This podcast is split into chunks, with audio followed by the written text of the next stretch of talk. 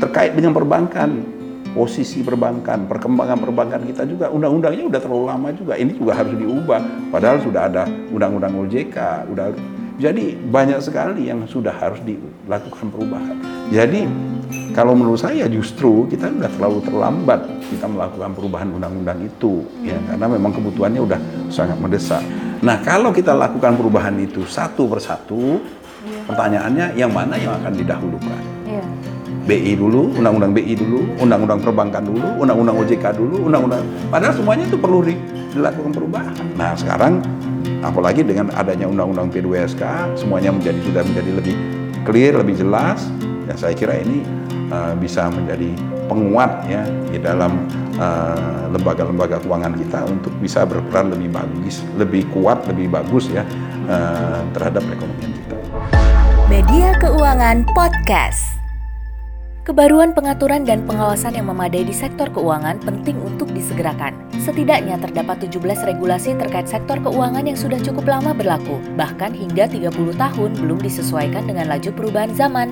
Merespons kondisi dan tantangan sektor keuangan terkini, Dewan Perwakilan Rakyat bersama pemerintah sepakat membentuk rancangan Undang-Undang Pengembangan dan Penguatan Sektor Keuangan atau RUU P2SK yang kemudian disahkan oleh Presiden menjadi Undang-Undang Nomor 4 Tahun 2023 pada 12 Januari 2023 lalu. Apakah Undang-Undang P2SK menjadi langkah tepat untuk mereformasi sektor keuangan Indonesia? Simak perbincangan media keuangan dengan Eksekutif Direktur Segara Research Institute Peter Abdullah Rejalam pada podcast berikut. Nah Pak, Undang-Undang P2SK ini kan dianggap sebagai momentum tepat untuk mereformasi uh, sistem keuangan kita Pak.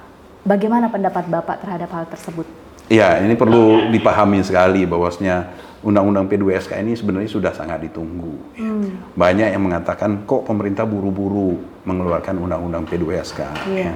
Padahal sebenarnya bukan buru-buru, justru hmm. ini sudah uh, terlalu lama ya kita itu membutuhkan perubahan undang-undang. Ya. Kita tahu bahwasanya perubahan di sistem keuangan kita kita itu berjalan sangat cepat. Ya. Hmm. Ya. Kita pertama kali melakukan reformasi di sistem keuangan adalah uh, pasca kita mengalami krisis tahun 97-98 adalah dengan mengeluarkan undang-undang uh, terkait dengan Bank Indonesia, Undang-Undang Bank Indonesia ya, tahun 99 dan Undang-Undang Perbankan. Ya.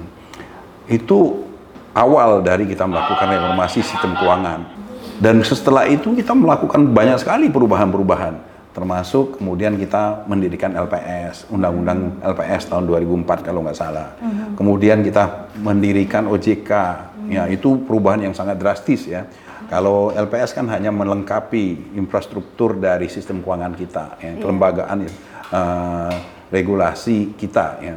Kemudian tahun 2011 kita mendirikan OJK, ya. Yeah. itu luar biasa, ya. benar-benar kita mengubah, ya karena adanya peralihan pengaturan dan pengawasan perbankan kita alihkan dari BI ke OJK, oh, ya, iya. digabungkan dengan pengaturan pengawasan eh, sektor-sektor uh, keuangan lainnya, termasuk pasar modal dan juga asuransi dan hmm. lainnya. Ya. Jadi ini adalah sebuah lompatan yang luar biasa besar, perubahan yang luar biasa besar. Hmm. Nah sementara di sisi lain, undang-undang BI-nya ya nggak banyak berubah, belum kita iya. ubah. Ya. Hmm. Nah, perubahan berikutnya adalah kemudian kita kita menyadari juga kita membutuhkan uh, yang mengatur bagaimana kita berbagi peran di dalam menghadapi krisis sistem keuangan ya hmm. yang kita sudah punya pengalaman di yeah. tahun 97 98. Uh, perlu sekali kita berbagi peran ya. Uh, siapa melakukan apa ya itu kemudian kita mengeluarkan undang-undang uh, dalam mengantisipasi dan menyelesaikan krisis sistem keuangan pada tahun kalau nggak salah tahun 2016. Mm. Nah itu juga dengan ada keluarnya undang-undang terkait dengan uh, mengantisipasi menyelesaikan krisis sistem keuangan itu juga berarti mengubah posisi dan peran dari Bank Indonesia, hmm. peran dari LPS, peran dari OJK. OJK iya. Jadi banyak sekali perubahan-perubahan yang sudah uh, terjadi hmm. di fungsi dan kelembagaan eh, lembaga-lembaga uh, otoritas kita, hmm. baik itu Bank Indonesia, uh, eh, LPS dan OJK, OJK yang termasuk juga dengan Kementerian Keuangan. Hmm. Nah, semua perubahan itu belum tercover di dalam undang-undang oh. yang ada. BI belum ada perubahannya. Hmm. Ya. Padahal fungsi dan pengaturan pengawasan perbankan itu kan sudah pindah ke OJK sudah demikian lama. Iya.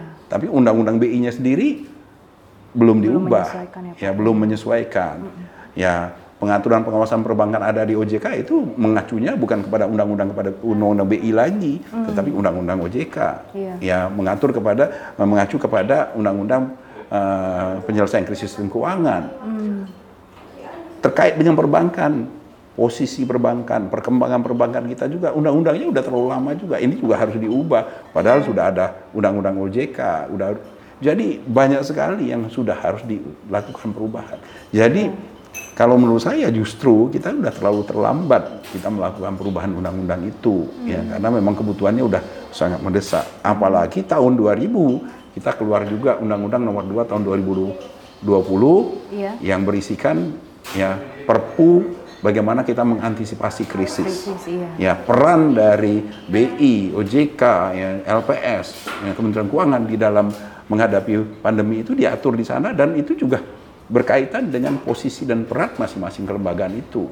Artinya juga ini juga harus diakomodasi. Jadi sudah sangat banyak alasan untuk kita itu melakukan perubahan undang-undang. Nah, kalau kita lakukan perubahan itu satu persatu, pertanyaannya yang mana yang akan didahulukan? Iya.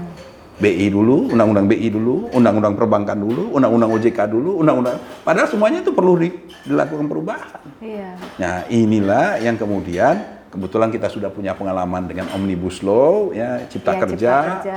Ya, ini ya bisa kita lakukan juga Omnibus Law di sistem keuangan sehingga kebutuhan perubahan undang-undang tadi bisa dilakukan secara serentak Iya. sekaligus juga kita bisa melakukan eh, mengatur semua hal yang terkait di dalam suatu sistem keuangan yang baru. Jadi kita bisa dengan omnibus law sistem keuangan ini ya kita bisa melakukan reformasi sistem keuangan secara keseluruhan. Saya kira waktunya udah Tepat sangat ya, tepat Pak, ya. Ya, Ini timingnya ya. Iya. Dan bicara mengenai stabilitas sistem keuangan juga Pak dalam kaitannya dengan Undang-Undang P2SK ini kan kita juga melihat di 2023 ini tantangan perekonomiannya tuh begitu besar ya Pak ya. Eh, tantangan global, eh, ancaman resesi misalnya seperti itu.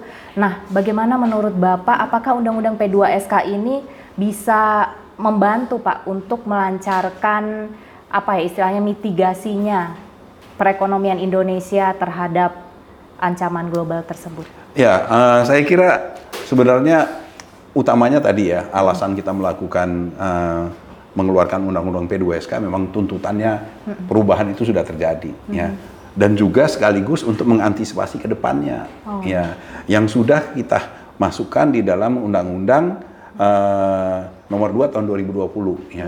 Misalnya bagaimana posisi dari Bank Indonesia Iya. ketika kita menghadapi suatu kondisi krisis.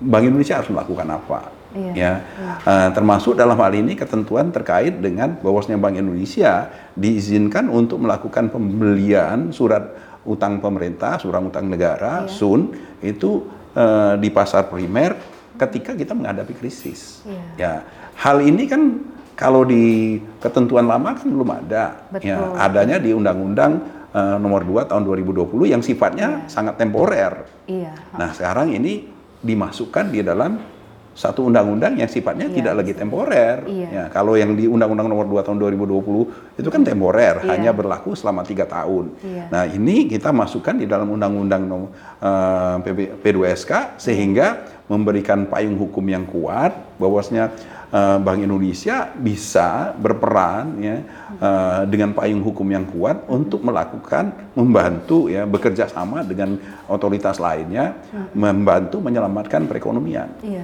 Dan kita harus eh, juga eh, mengakui bahwasanya coba bayangkan kalau pada tahun 2020 kita tidak mengeluarkan un- eh, Perpu yang mengeluarkan Undang-Undang Nomor 2 Tahun 2020 yang memberikan eh, payung hukum memberikan ruang bagi Bank Indonesia untuk melakukan ya, pembelian surat utang pemerintah di eh, pasar primer tidak terbayangkan bahwasanya kondisi fiskal kita akan sangat eh, amburadul ya Iya, eh, akan sangat kesusahan dan ketika fiskal kita kesusahan kita tidak bisa melakukan membantu perekonomian perekonomian kita bisa tidak terselamatkan Iya. ya syukur ya saya selalu eh, saya jujur aja saya selalu memuji dan mengacukan uh, kedua jari saya, jempol jari saya ya.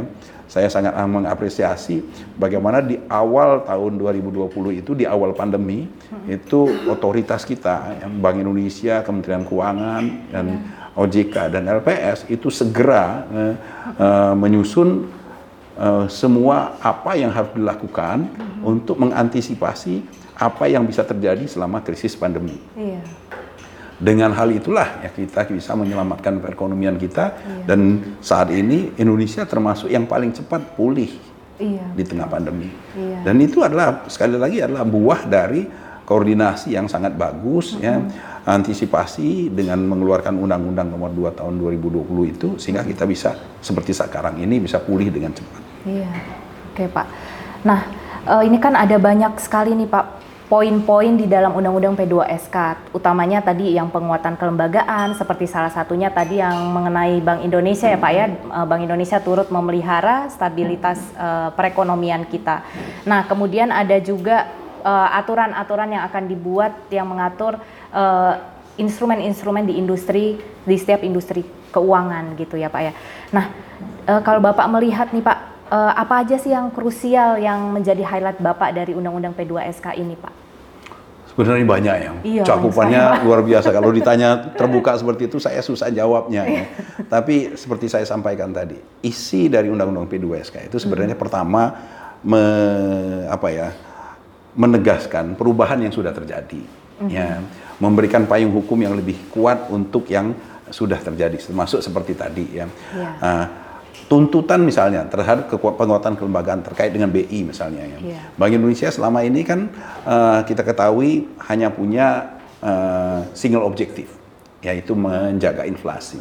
Iya. Nah, di dalam undang undang P2SK kan itu diperluas. Jadi BI tidak hanya lagi hanya eh, ngurusin inflasi, Iya. tapi juga termasuk menjaga pertumbuhan ekonomi ya, berkontribusi mendorong pertumbuhan ekonomi, menciptakan lapangan kerja ya.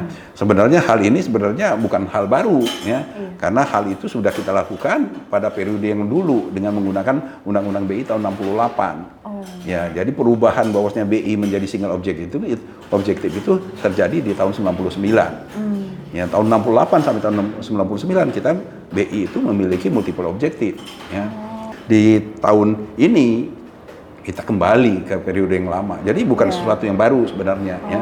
Tetapi hal ini adalah sesuatu yang menurut kita adalah menjadi lebih relevan untuk periode ke depannya sehingga memberikan uh, keleluasaan bagi BI untuk melaksanakan sebenarnya apa yang sudah dilaksanakan oleh BI selama ini. Hmm.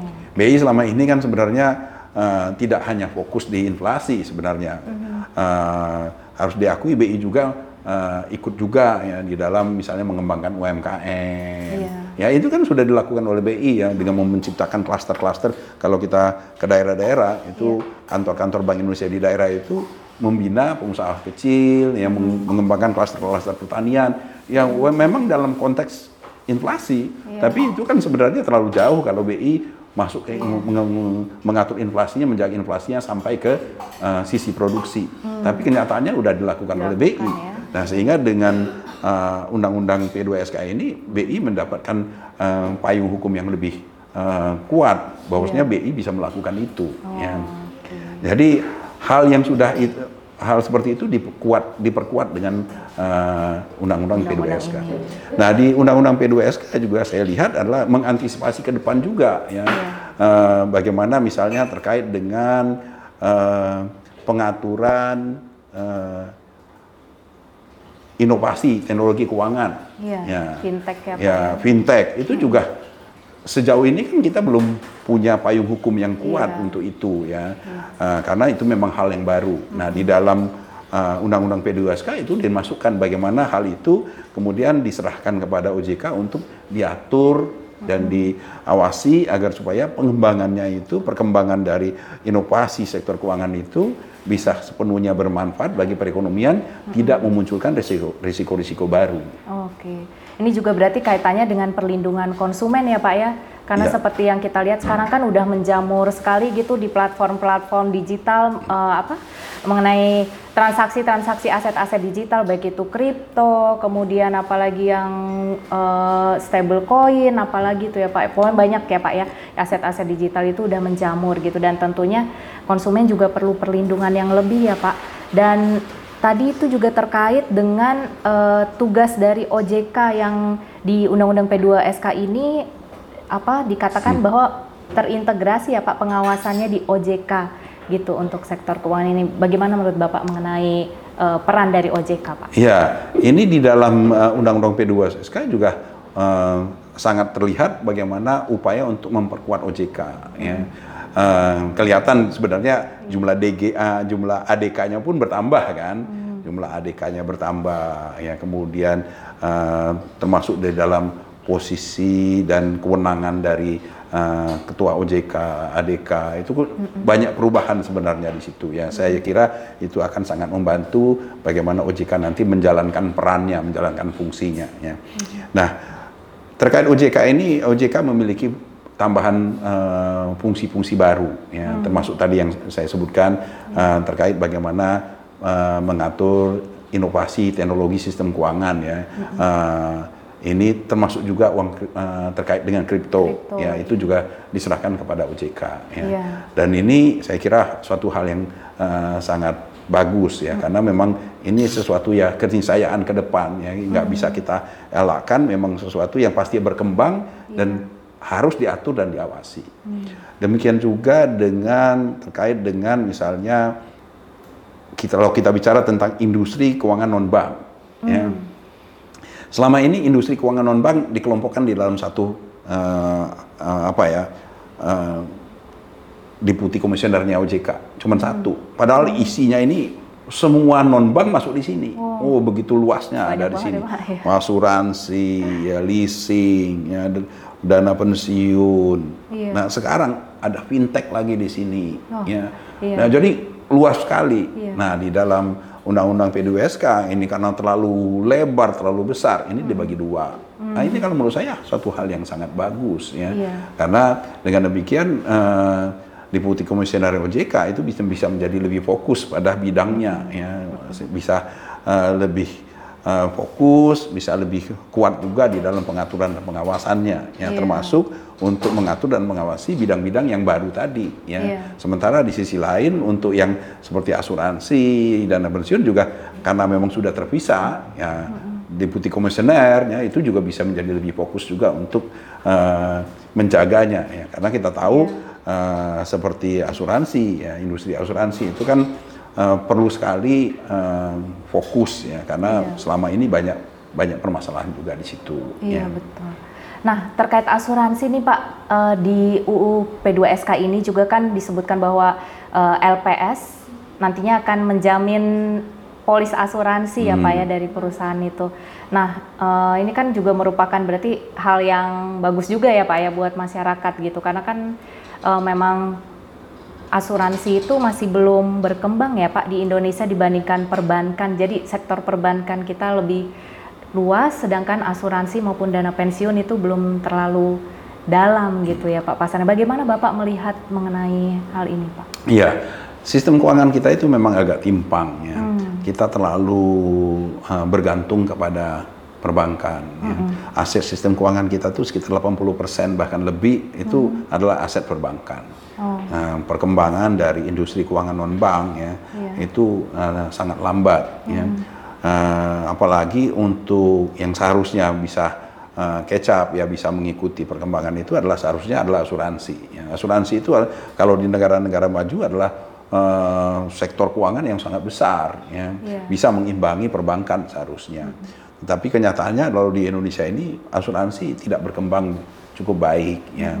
Nah, inilah yang seperti saya sebutkan tadi dengan pemisahan ya di dalam industri keuangan non bank itu menjadi eh, nanti terbagi dua ya. Eh, ada deputi komisioner ada dua yang meng- mengurusi ya yang meng- mengatur dan mengawasi. Ini diharapkan bisa menjadi lebih fokus dan bisa eh, dikembangkan lebih lanjut ya. Nah, di dalam pengaturan di terkait dengan asuransi ini tantangannya besar memang ya. uh, asuransi ini mengalami permasalahan yang sangat, sangat banyak yang uh, menggerus kepercayaan masyarakat terhadap asuransi. Iya. Ya, Banyak kasusnya. banyak kasusnya gitu loh. Ya, padahal uh, sebagai sebuah lembaga keuangan, asuransi sebagaimana bank juga itu sangat membutuhkan trust dari masyarakat. Iya. Ya, ketika trust itu terganggu, ya industrinya susah untuk berkembang.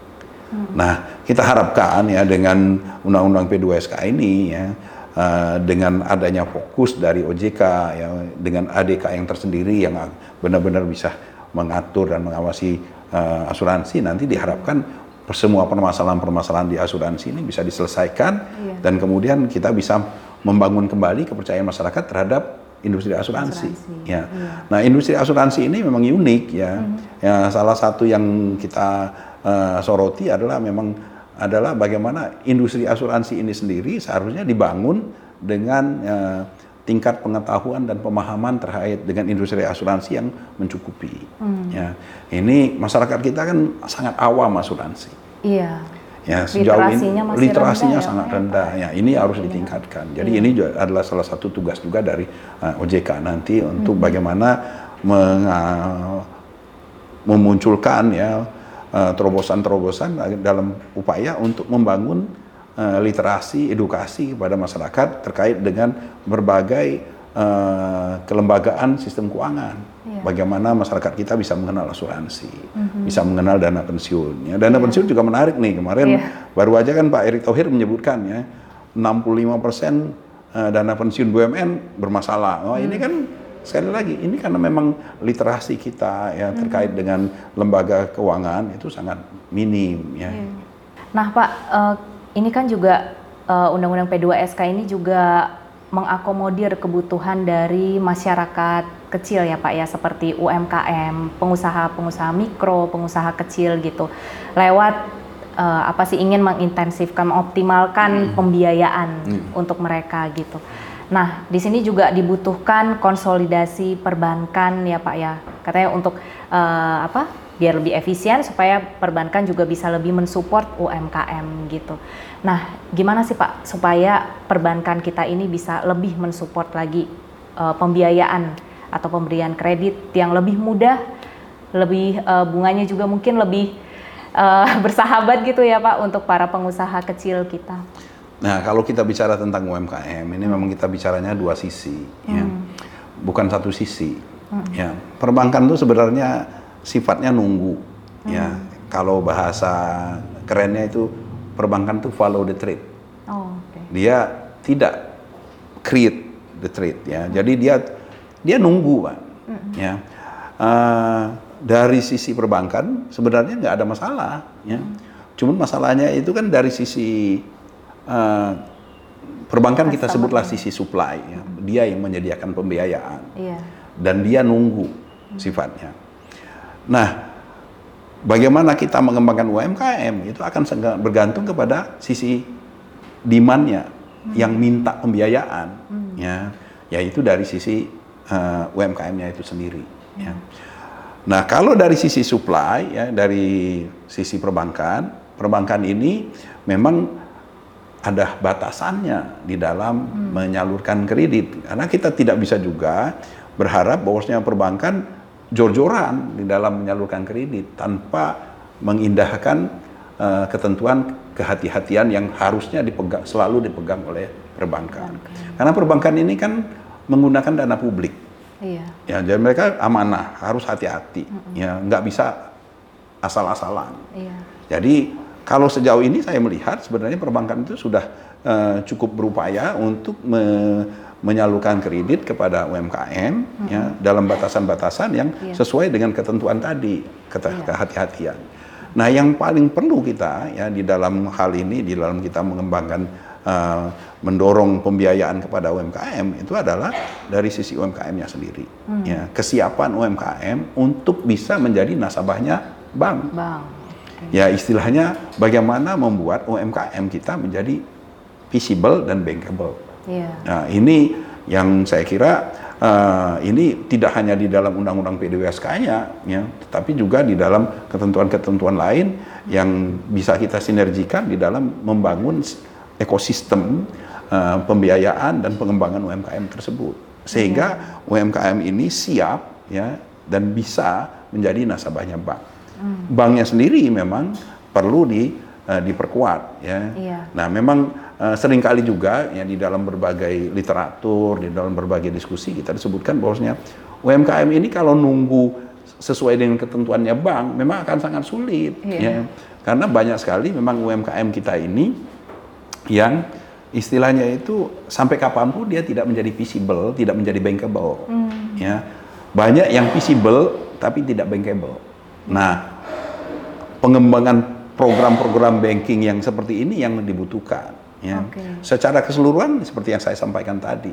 Nah, pengembangan eh, produk-produk yang eh, yang bisa dicocok inilah yang perlu dikembangkan. Tetapi saya kira itu juga tidak bisa kita eh, generalisir, kita berikan kepada semua bank. Nggak mungkin juga, karena eh, harus dipahami bahwasanya melayani UMKM itu tantangannya memang rumit. Ya.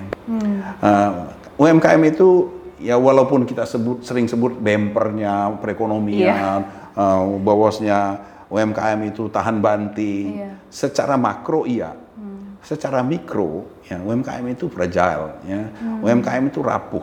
Ya coba bayangkan aja misalnya eh, tukang bakso, Iya. ini kan usaha mikro. Ya. Iya.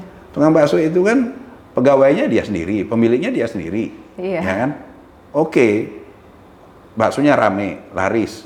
Tapi begitu tukang baksonya sakit, usahanya Berhenti. bisa ber, bisa berhenti. Iya, Berarti kan risikonya ge- gede itu. betul. Risikonya gede.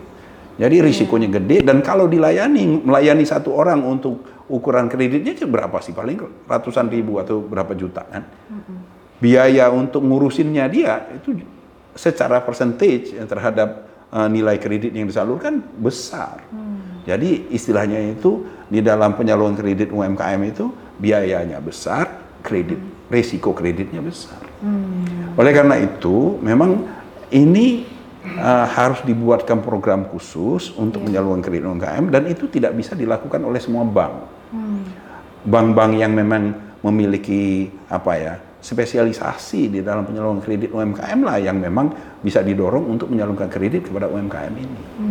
Nah. Bagaimana dengan BPR, Pak? Nah inilah yang termasuk yang menarik ya. Iya. Eh, ada di dalam Undang-Undang P2SK ya, yang mana eh, kredit bank perkreditan rakyat pun Iya.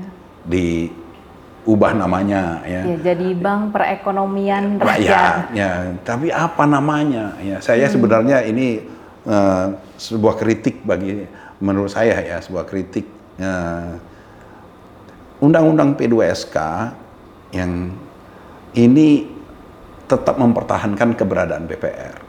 Itu yang menurut saya ya tanggung gitu ya. Karena BPR ini semakin lama makin kehilangan perannya di dalam pengembangan UMKM terutama di daerah. Kenapa? Karena memang desain dari sistem keuangan kita sendiri sebenarnya kalau saya mengatakan menganaktirikan BPR. Ya. BPR ini kalau menurut saya adalah contoh dari eh, ya ketidakadilan di dalam eh, persaingan.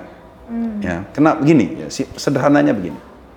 BPR itu desain awalnya adalah adalah bank perkreditan rakyat untuk di daerah Oke. ya dengan pemikiran pada waktu itu bank-bank umum itu tidak ada di daerah Hmm. tidak sampai di desa-desa ya makanya di desa-desa itu adanya bank BPR untuk melayani masyarakat pedesaan Hmm. ya tetapi di dalam perkembangannya bank-bank umum apalagi di era digital sekarang ini jangkauannya udah sampai ke Desa-desa. desa-desa sampai yang titik terjauh Iya. sehingga BPR yang memiliki layanan terbatas itu harus bersaing dengan bank-bank besar yang ada di di daerah. Coba bayangkan BPR yang dengan keterbatasannya itu harus memiliki cost of fund yang tinggi Iya. harus bersaing dengan bank-bank besar yang ada di daerah yang memiliki cost of fund yang rendah. Secara persaingan mereka udah kalah. Ya, saya sebenarnya lebih mengusulkan BPR ini ya kita rombak seharusnya keberadaannya harus kita pikirkan ulang. Apakah memang kita eh, desain perbankan kita membutuhkan BPR? Sementara sekarang ini kita sudah tahu bagaimana eh, jangkauan dari bank-bank besar itu sudah mencapai area-area yang seharusnya menjadi areanya BPR. Ya, tapi ini ya undang-undang P2SK udah ada, udah terjadi ya. Tinggal bagaimana Iya. kita me, me- ya menyesuaikan dengan undang-undang P2SK itu agar supaya BPR ini bisa tetap kita perkuat. Sekarang ini kalau menurut saya kasihan BPR, kasihan teman-teman yang di BPR. BPR itu kan di dalam mereka mengumpulkan dana pihak ketiga dan masyarakat kan cost of tinggi Iya. bagaimana mereka bisa menyalurkannya kreditnya dengan bersaing sementara mereka harus bersehadapan dengan bank-bank umum, bank-bank besar yang bahkan mendapatkan kredit program dari pemerintah seperti KUR, Iya. kredit yang disubsidi. Ya, kalau menurut saya persaingannya menjadi sangat tidak seimbang. Nah, lalu eh, menurut Bapak dengan penerapan Undang-Undang P2SK ini nantinya Pak eh, akan seberapa besar sih Pak peranan peranannya dia ini dalam mendukung pertumbuhan perekonomian kita Pak? Saya kira itu bergantung ya. Undang-undangnya tidak berperan, ya. Undang-undangnya ini kan hanya menjadi payung, Iya. menjadi rujukan bagaimana kelembagaan sistem keuangan itu bisa bergerak, bisa beroperasi, dan kemudian bisa berkontribusi terhadap perekonomian. Dan seperti saya sampaikan tadi, sebenarnya apa yang diatur di dalam Undang-Undang P2SK ya, yang sebenarnya sudah berjalan selama ini, ini kan Undang-Undang P2SK sebenarnya hanya menegaskan berbagai ketentuan yang sudah berjalan sebenarnya. Iya. Ya. Sehingga kalau menurut saya perannya ya tidak terlalu besar di dalam hal itu. Dia hanya memberikan eh, utamanya untuk hal-hal yang baru yang yang sudah berjalan ya udah berjalan. Ya hal-hal yang baru terkait dengan kripto, terkait dengan inovasi teknologi keuangan, terkait dengan eh, koperasi, terkait dengan asuransi, ya, itu yang akan lebih dominan ya. Eh, keberadaan dari Undang-Undang P2SK itu akan menjadi lebih dominan, memberikan eh, kepastian sehingga kelembagaan yang ada di dalam sistem keuangan kita bisa bergerak menjadi lebih pasti, lebih yakin. Dan oleh karena itu, eh, saya kira ini akan menjadi eh, sebuah hal yang eh, mempercepat, ya, memperkuat dari kontribusi sistem keuangan kita yang sejauh ini sebenarnya sudah sangat berperan di dalam perekonomian kita. Coba bayangkan ya, selama pandemi ini kan sebenarnya terlihat bagaimana uh, keberadaan sistem keuangan kita ya yang stabil dan kuat itu mampu menjaga perekonomian kita. Coba bayangkan misalnya ya, kalau selama pandemi ya, OJK ya, tidak mengeluarkan ket- ketentuan terkait dengan uh, kemudahan melakukan restrukturisasi kredit. Kredit, iya. Wah itu bubar deh perekonomian kita. Iya, ya. betul. Ya ini karena kelembagaan keuangan kita, perbankan kita kuat, sistem keuangan kita stabil dan sehat, kemudian dengan arahan otoritas yang tepat, ya perekonomian kita bisa terjaga. Iya. Nah sekarang apalagi dengan adanya undang-undang P2SK, semuanya menjadi sudah menjadi lebih clear, lebih jelas. Ya saya kira ini uh, bisa menjadi penguat ya di dalam uh, lembaga-lembaga keuangan kita untuk bisa berperan lebih bagus, lebih kuat, lebih bagus ya uh, terhadap perekonomian kita. Oke Pak, nah terakhir nih Pak, apa sih harapan Bapak terhadap implementasi Undang-Undang P2SK ini ke depannya? Ya harapan kita ya tentunya semuanya berjalan dengan baik ya. Iya. Ya tentunya itu sangat bergantung kepada bagaimana nanti eh, lembaga-lembaga, ya, kementerian dan lembaga yang menjadi eh, dalam hal ini sebagai lembaga pelaksananya, ya, yaitu BI, ya kemudian Kementerian Keuangan, L- OJK, LPS itu menindaklanjuti apa yang sudah menjadi amanah di dalam undang-undang. Termasuk dalam hal ini, ini eh, mengeluarkan ketentuan operasional ya yang akan menegaskan ya mem- memperjelas bagaimana hal tersebut harus dilaksanakan nantinya. Termasuk ya yang seperti disampaikan tadi terkait dengan penjaminan asuransi, misalnya. Ya ini kan sangat ditunggu ini. Pasti ditunggu banget ya, ya, Pak. sangat ditunggu ya. Jadi kita berharap ya LPS bisa menindaklanjuti undang-undang ini bisa dengan sesegera mungkin ya, Uh, sehingga uh, penjaminan terhadap uh, uh, premi asuransi itu bisa segera dilakukan ya, tanpa harus mengganggu uh, peran dari LPS untuk penjaminan uh, dana perbankan. Ya. Ya ini memang tantangannya besar bagi LPS, tapi saya kira uh, tidak menjadi sebuah alasan untuk kita berlambat-lambat karena kita sangat membutuhkan hal ini bisa dilaksanakan segera.